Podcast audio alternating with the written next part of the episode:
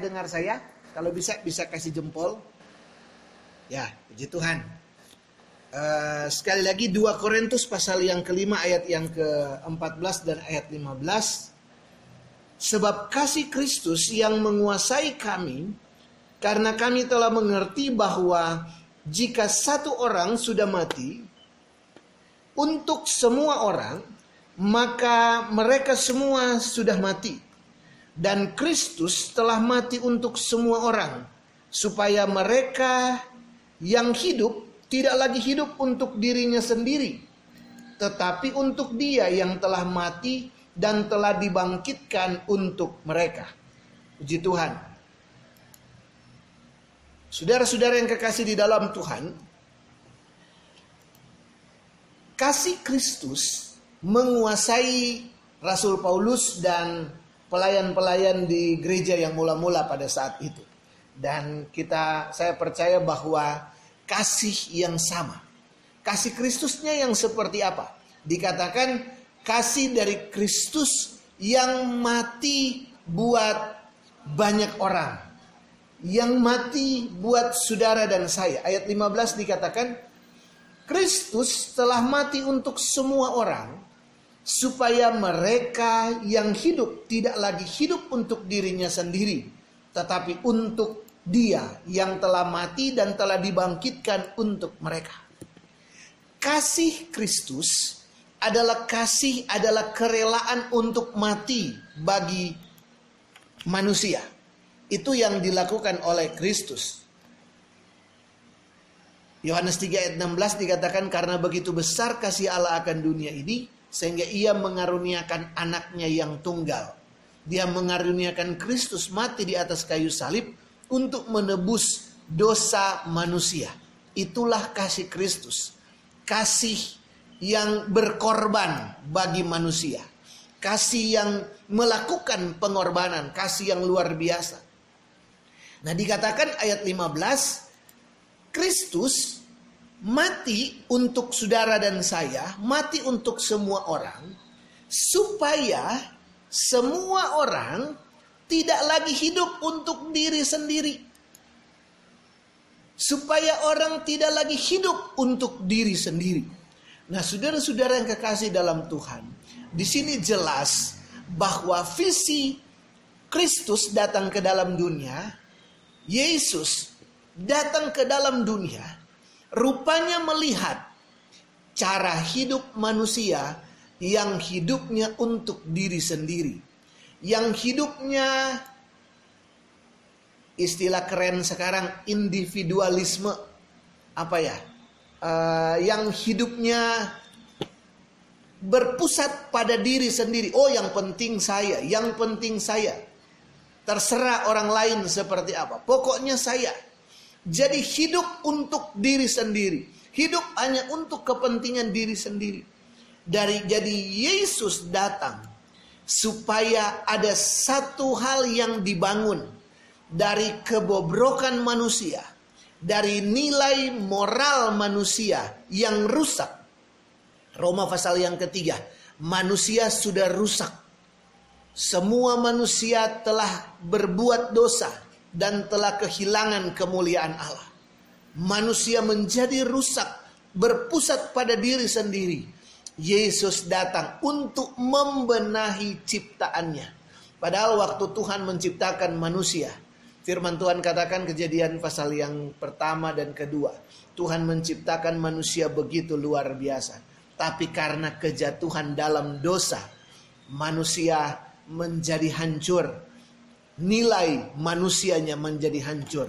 Jadi Yesus datang supaya dikatakan di sini supaya manusia tidak lagi hidup untuk diri sendiri, tidak lagi hidup untuk memikirkan diri sendiri, tetapi apa di sana dikatakan tetapi untuk dia katanya.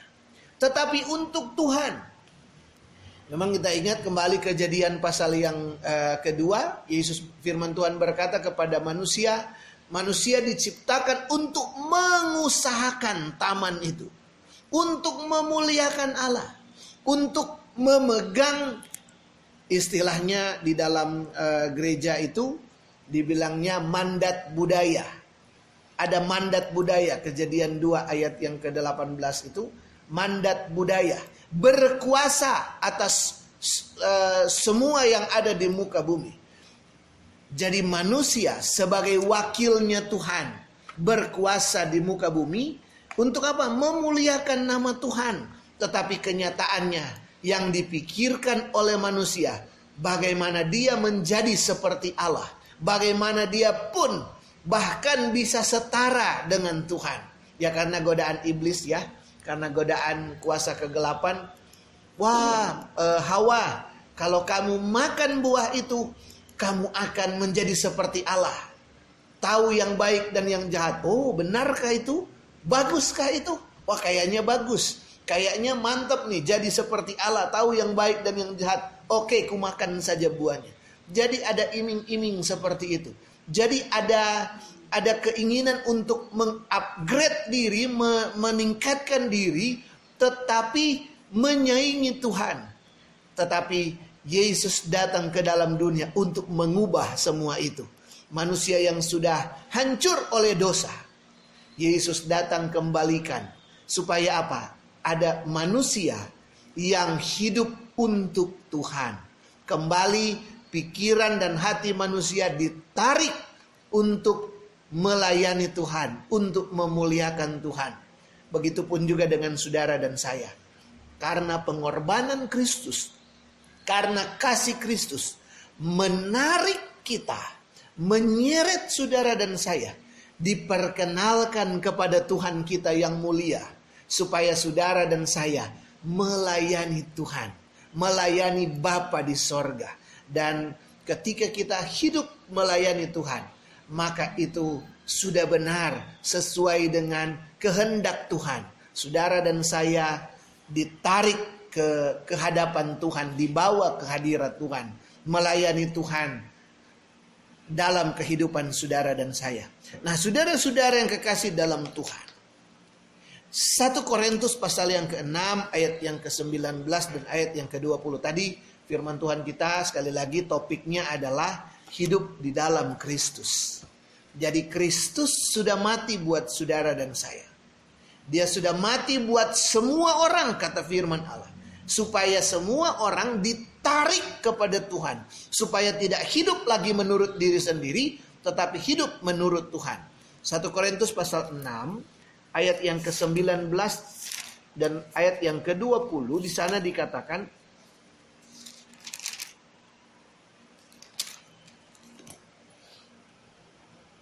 Atau tidak tahukah kamu bahwa tubuhmu adalah bait Roh Kudus yang diam di dalam kamu?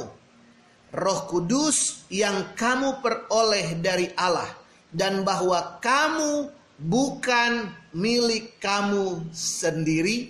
Nah, ini ini jelas sekali mem, kembali mempertegas kenapa sesudah Yesus mati buat saudara dan saya, dikatakan supaya kita hidup untuk dia. Kenapa kita harus hidup untuk dia? Harusnya nggak usah lah. Suka-suka aku aja, suka-suka saya aja. Pokoknya saya mau hidup seperti apa kata saya, seperti saya mau seperti apa. Uh, ya seperti seperti yang saya inginkan. Tapi di sini ternyata ketika saudara dan saya ada di dalam Tuhan, ketika kita percaya kepada Tuhan, dikatakan ayat yang ke-19, rupanya di dalam hidup saudara dan saya, kita dijadikan oleh Tuhan menjadi bait Roh Kudus. Dan Roh Kudus diam di dalam saudara dan saya. Haleluya. Ada Roh Kudus di dalam kita.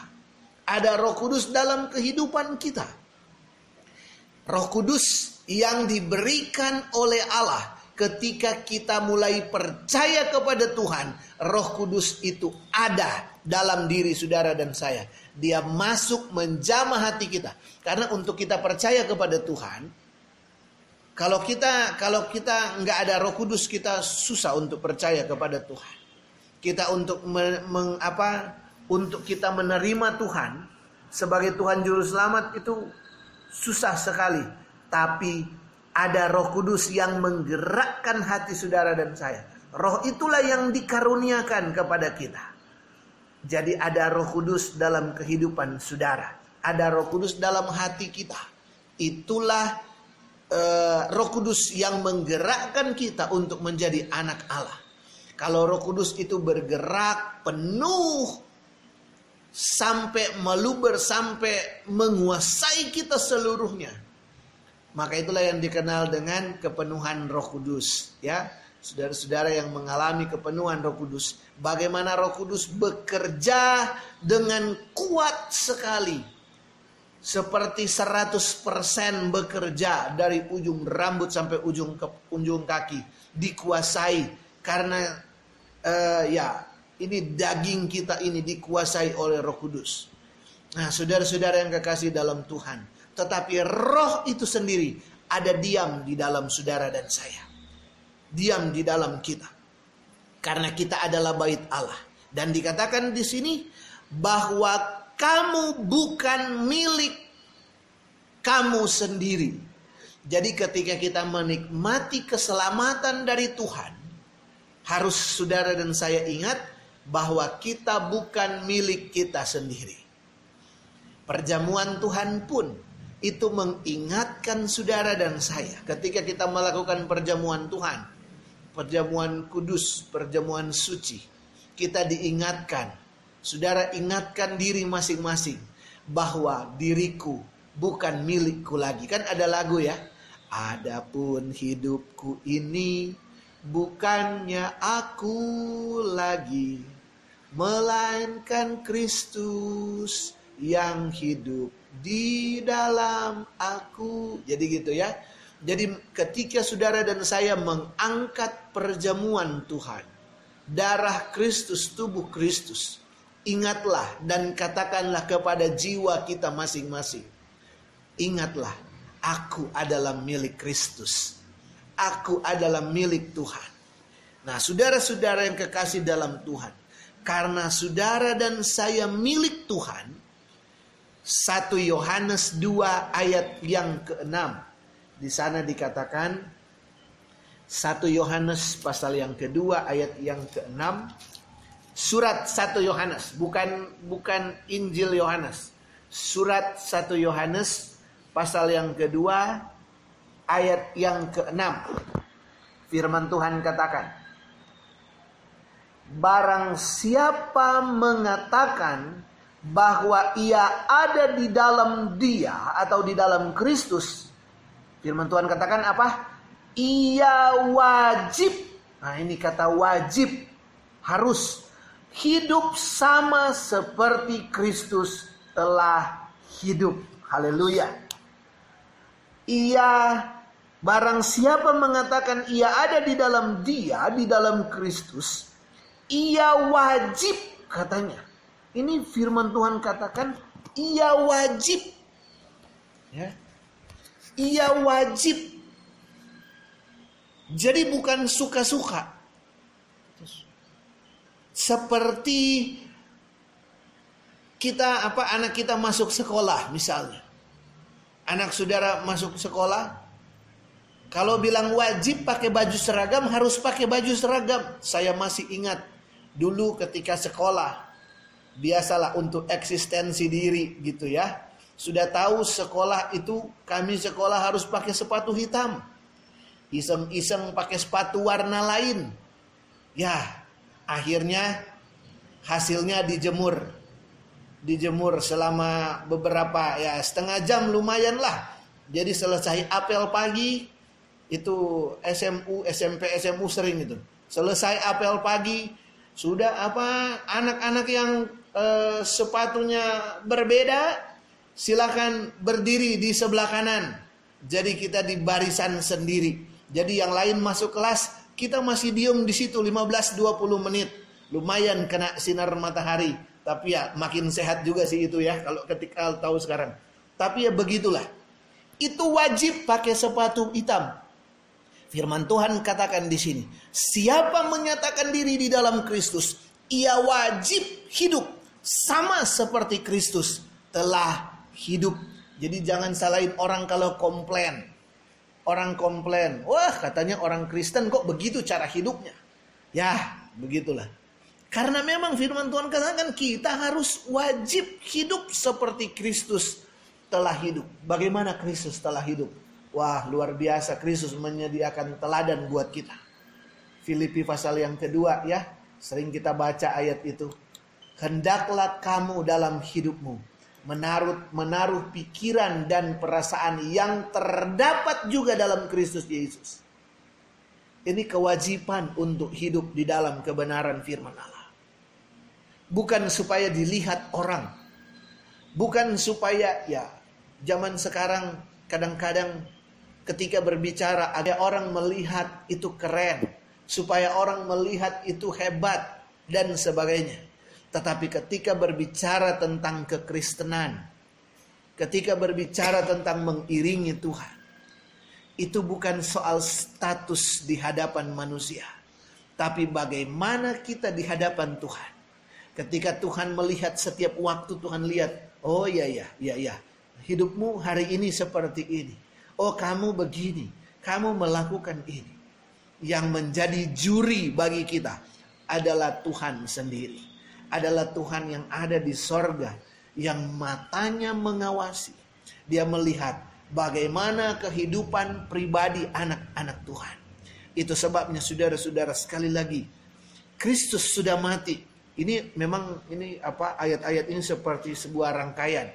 Kristus mati untuk kita, kemudian ada Roh Kudus ditaruh dalam hidup kita, menjadikan menegaskan kita bahwa kita adalah milik Allah. Dan ketika kita menjadi milik Allah, wajib hidup sama seperti Kristus telah hidup. Bagaimana menjadi sama seperti karena Lukas oh ya Lukas pasal 6 ayat 44. Kita lihat di sana ini ayat yang indah sekali. Lukas pasal yang ke-6 ayat 44. Ini bicara soal branding. Saudara yang eh, apa bekerja menghasilkan barang di pabrik di mana tentu tahu yang namanya merek. Katanya merek nggak bisa dibohongin. Kalau mereknya bagus, kualitasnya bagus, semua dilihat dari merek. Oh, ibu pakai pakai tas apa? Oh, saya pakai tas. Uh, kalau ada mereknya LV, apa itu LV? Louis Vuitton. Apalagi? Ya kita sih nggak punya ya yang begitu ya. Merek apa? Gucci. Saya cuma tahu-tahu saja merek-merek tas. Apalagi mereknya Oh saya punya tas apa? Oh tas ya biasanya ibu-ibu kan begitu ya. Wah, oh kalau kita ada tas Gucci dari mana? Dari Tanah Abang. Haleluya. Nggak apa-apa biar dari Tanah Abang. Yang penting Gucci. Tapi orang lihat merek ya. Lihat tas itu bukan cuma itu, dia lihat merek. Sepatu juga begitu, lihat merek. Punya motor yang dilihat, oh motor mereknya apa? Gitu. Pokoknya merek. Kenapa? Lukas 6 ayat 44. Di sana firman Tuhan katakan, Sebab setiap pohon dikenal pada buahnya. Karena dari semak duri orang tidak memetik buah arah. Dan dari duri-duri orang tidak, dari duri-duri tidak memetik buah anggur. Nah saudara-saudara, barang-barang yang di dunia ini saja merek dan kualitas harus sesuai. Jadi tidak apa adalah hal yang memang tidak bisa dibantah. Kalau kita mengenakan nama Kristus dalam pribadi saudara dan saya, tapi kemudian kehidupan kita tidak mencerminkan nama Kristus, pasti kita dibully habis-habisan. Tapi saya bersyukur jemaat-jemaat Tuhan, saudara-saudara terus hidup di dalam Tuhan. Sekalipun kita dijahatin ya, kita di apa digalakin orang, kita orang banyak buat salah dan sebagainya. Tapi ya begitulah. Saudara dan saya tetap kuat, tetap sabar dan setiap pohon dikenal pada buahnya. Ada buah-buah yang dihasilkan ketika dari kesabaran kita, dari ketabahan saudara dan saya, dari kerja keras, tidak mudah putus asa. Ya, iman yang tetap kuat sekalipun dalam keadaan yang tidak menentu, dalam masalah, dalam tantangan tapi tidak pernah putus asa. Orang bisa lihat, oh iya namanya juga anak Tuhan. Ya namanya juga uh, nama juga namanya juga orang Kristen. Tidak mudah putus asa. Jadi setiap pohon dikenal pada buahnya. Kristus dikenal dari kehidupan saudara dan saya itu memang yang yang diinginkan oleh Tuhan. Jadi ketika orang lihat kita, orang lihat Kristus, ada kualitas Kristus di dalamnya. Jadi karena kita pakai merek, anggap saja Kristus sebagai merek. Anggap saja kekristenan sebagai merek. Walaupun sebetulnya yang penting kita hubungan kita dengan Tuhan. Tapi kalau misalnya kita membawa-bawa nama Tuhan, berarti buahnya harus sesuai dengan merek yang dilekatkan. Nah, saudara-saudara yang kekasih di dalam Tuhan, bagaimana mengenakan merek Kristus itu dalam hidup saudara dan saya? Bagaimana kita mengakui bahwa oh saya ini anak Tuhan? Anak siapa? Anak Tuhan, anak Tuhan Yesus. Bagaimana Mazmur 25 ayat yang ke-10. Ini ayat yang ayat-ayat terakhir. Mazmur pasal yang ke-25 ayat yang ke-10 ini ayat yang indah sekali. Mazmur 25 ayat yang ke-10 perkataan dari seorang Daud. Memang luar biasa Tuhan memakai Daud. Mazmur 25 ayat 10. Segala jalan Tuhan adalah kasih setia dan kebenaran bagi orang yang berpegang pada perjanjiannya dan peringatan-peringatan. Haleluya. Daud berkata, segala jalan Tuhan adalah kasih setia dan kebenaran. Haleluya. Jalan yang harus saudara dan saya tempuh adalah jalan kasih setia. Jalan kebenaran. Jalan yang ditetapkan oleh Allah. Tapi saya percaya apa pun keadaan kita. Tuhan berjalan bersama-sama dengan milik, milik miliknya yang dikasihinya. Ada Roh Kudus yang ada di dalam kehidupan kita. Itulah yang memampukan saudara dan saya untuk berjalan di dalam jalan Kristus, jalan kasih setia, jalan kebenaran. Ketika dunia ini menawarkan tipu muslihat untuk menang, menawarkan kelicikan, menawarkan banyak hal untuk memenangkan sebuah pertandingan. Tetapi bagi Tuhan, di jalan Tuhan, saudara dan saya tetap berjalan di dalam kasih setia dan kebenaran. Mungkin ini adalah kebenaran yang kuno. Sejak dulu cuma kok cuman ini saja. Apakah tidak ada yang lain? Tidak ada. Pokoknya hiduplah dalam kasih setia. Hiduplah dalam kebenaran. Seorang raja yang besar, Raja Daud, raja atas wilayah kerajaan Israel bersatu. Dialah yang menyebab yang bisa mempersatukan Hebron dan Yerusalem. Dia mempersatukan Israel yang terkoyak. Saudara-saudara, tetapi dia dia seorang raja terbesar kerajaan Israel. Tapi dia berkata, segala jalan Tuhan, bukan cuma semua jalan yang harus saudara dan saya tempuh. Semua keputusan yang harus kita ambil dikatakan semuanya itu segala jalan Tuhan adalah kasih setia dan kebenaran. Hiduplah dalam kasih setia. Setia terus kepada Tuhan. Setia melakukan kebenaran firman Allah. Hidup di dalam kebenaran. Sekalipun bagi orang, ah kayaknya nggak ngapain kamu buat itu. Ah zaman sekarang yang begitu, aduh itu terlalu apa ya dibilang Wah naif, apa semuanya? Ah, kamu nggak apa-apa. Pokoknya hidup dalam kasih setia dan kebenaran di dalam Tuhan. Saya percaya ada pembelaan. Kalau kita mempertahankan merek, merek kita adalah Kristus. Kehidupan kita adalah kehidupan Kristus. Kita memberikan kualitas kasih setia dan kebenaran yang sesuai dengan merek itu. Saya percaya Tuhan yang memberikan kemuliaan buat saudara dan saya. Tiba-tiba saudara dan saya diangkat kepada kemuliaan sesuai janji Tuhan. Dibawa dari kemuliaan kepada kemuliaan yang semakin besar. Tetapi saya sering membaca itu sebagai sebuah pertolongan. Kita di bawah dari satu pertolongan kepada pertolongan yang lain di dalam segala kehidupan saudara dan saya. Menjadi milik Tuhan. Saya percaya semua kita adalah milik Tuhan. Itu sebabnya tetap setia, tetap hidup di dalam kebenaran firman Allah. Kita akan masuk di dalam perjamuan Tuhan. Sekali lagi kita mengakui dalam perjamuan Tuhan itu ketika kita mengangkat cawan perjanjian, ketika kita makan roti dan uh, kita makan tubuh dan darah Kristus. Kita berkata kepada Tuhan, saya berkata kepada Tuhan saya, saudara berkata kepada Tuhan saudara, aku adalah milikmu yang engkau sudah tebus Aku adalah milikmu selamanya. Puji Tuhan. Tuhan Yesus memberkati kita semua. Kita tundukkan kepala.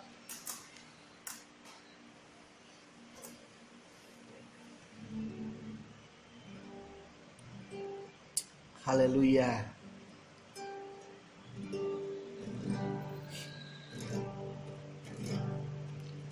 Hidup kita bukan milik kita lagi, tapi milik Tuhan.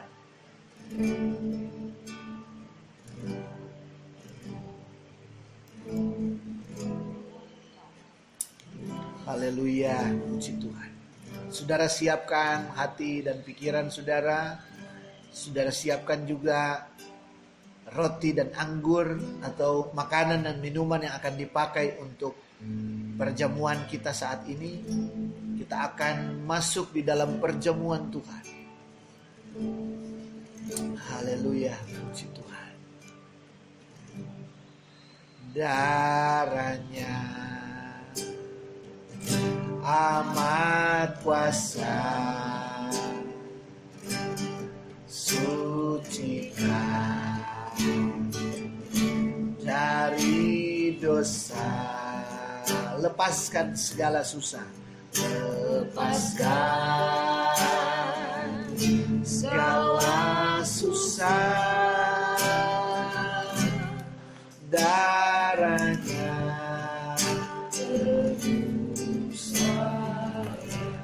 darahnya amat kuasa darahnya. Amat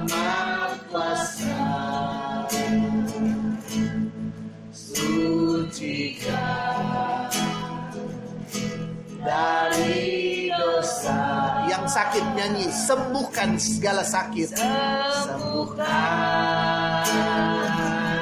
segala sakit. Darahnya tebus saya. Darahnya amat kuasa. Darahnya amat kuasa sucikan dari dosa. Lepaskan segala susah. Segala susah. Darahnya tebus saya. Bapa dalam sorga di hadapan engkau Allah yang maha tahu Engkau tahu segala keadaan kami, segala kondisi kami Tuhan Kehidupan kami engkau tahu, kehidupan rohani dan jasmani kami engkau tahu. Tapi hari ini kami bertertunduk di hadapanmu Tuhan. Sesudah kami mendengarkan kebenaran firman-Mu, Tuhan kami masuk dalam perjamuan Tuhan, perjamuan yang kudus ini ya Bapa. Yang kami percaya adalah kami bersekutu dengan tubuh dan darah-Mu ya Tuhan. Tubuh dan darah yang mahal. Tubuhmu yang terpecah-pecah, darahmu yang tercurah untuk kami semua ya Bapa. Tuhan, Engkau yang memilih kami. Engkau membayar kami dengan lunas. Sehingga kami lunas terbayar dari hukum dosa. Kami tidak akan dihukum lagi. Tapi kami dibenarkan karena darah Kristus kami berlayak untuk masuk di dalam kerajaan sorga karena tubuh dan darahmu ya Bapa. Kami milikmu Tuhan. Terima kasih Bapa, terima kasih sucikan dan layakkan kami untuk menikmati, untuk menerima tubuh dan darah Kristus. Makanan minuman yang sudah kami sediakan bukan lagi makanan biasa, bukan lagi minuman biasa, tetapi adalah benar-benar tubuh dan darah Kristus. Ada kuasa, ada kuasa, ada kekuatan ilahi di dalamnya mendatangkan kesembuhan, mendatangkan damai sejahtera, pemulihan karena ada kuasa dalam tubuh dan darahmu bersatu dengan tubuh dan darah kami ya Bapa. Terima kasih Tuhan, terima kasih. Kami mulaikan perjamuan Tuhan di dalam nama Allah Bapa, Anak dan Roh Kudus, yaitu di dalam nama Tuhan Yesus Kristus. Haleluya, haleluya. Saudara siapkan tubuh Kristus, saudara pegang dengan tangan sudah tangan kanan saudara, tubuh Kristus. Dengarkan kebenaran firman Allah. Sebab apa yang telah kuteruskan kepadamu telah aku terima dari Tuhan, yaitu bahwa Tuhan Yesus pada malam waktu ia diserahkan, mengambil roti dan sesudah itu ia mengucap syukur atasnya. Ia memecah-mecahkannya dan berkata, "Inilah tubuhku yang diserahkan bagi kamu." Firman Tuhan berkata, "Oleh bilur-bilur tubuh ini, saudara dan saya menjadi sembuh." Apa pun penyakit, apa pun yang saudara dan saya hadapi, firman Tuhan katakan, "Oleh bilur-bilur tubuh ini, kamu disembuhkan. Perbuatlah ini menjadi peringatan akan aku. Percaya bahwa ini adalah tubuh Kristus. Tubuh yang dikorbankan untuk mendatangkan mujizat bagi saudara dan saya yang adalah miliknya. Kami bersyukur buat tubuhmu ya Bapa. Terima kasih buat tubuhmu. Terima kasih tubuhmu Tuhan. Mari sama-sama kita akan memakan bersama-sama tubuh Kristus. Di dalam nama Allah Bapa, anak laki-laki dan roh kudus. Yaitu di dalam nama Tuhan Yesus Kristus. Makan dengan iman sambil mengucap syukur dan percaya mujizat sedang